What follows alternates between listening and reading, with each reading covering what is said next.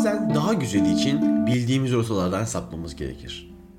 Rotamızda olmayan güzelliklere kaldıralım bu sefer kadehlerimiz. Ege bölgesinin turizm bölgelerine ve tarihi yerlerine ulaşmak isterken geçilen yollardan birindeyiz bu sefer. İzmir tarafından gelip Bodrum yoluna doğru gidiyoruz. Söke şehir merkezine geçtikten sonra Söke Ovası'nda bizlere ceza yazmak için 50 km bölü saat hızla gitmemizi isteyen radarların arasından yavaşça ilerliyoruz. Tam ufuktaki Ilıbir dağlarına tırmanmaya başlayacakken Bafa Gölü'nden hemen önce bir tabela gözümüze çarpıyor. Sol tarafı gösteren kahverengi tabelada Mayas yazıyor. Söke Ovası'nda onlarca antik kent olduğunu biliyordum ve hepsini defalarca gezmiştim. Ama bu kent biraz yolumun tersinde olduğu için yıllardır her tatile gidişimde gördüğüm tabelayı dinleyip de sola dönmemiştim.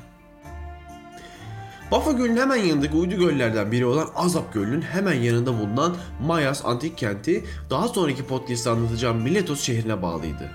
Bu kent komşusu olan diğer büyük kentlere göre daha erken dönemlerde terk edildiği için oldukça az bilgi ulaşılabiliyor.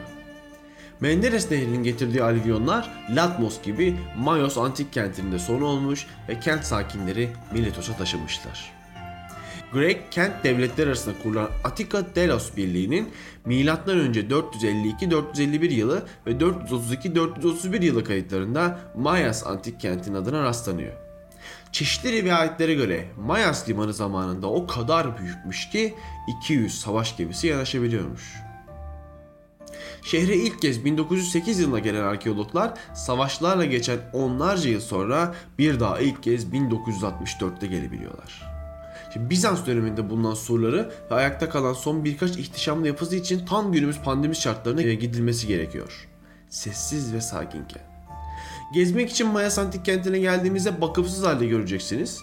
Çamur, balçık içindeki yollar, Hani eğer bir arazi aracınız yoksa ve araç kullanımınıza güvenmiyorsanız sizler için problem olacaktır. Yürüyerek devam etmenizi öneriyorum. Instagram Facebook'ta kahverengi tabela pot, Twitter'da da kahve tapot hesaplarından bizi takip edebilirsiniz.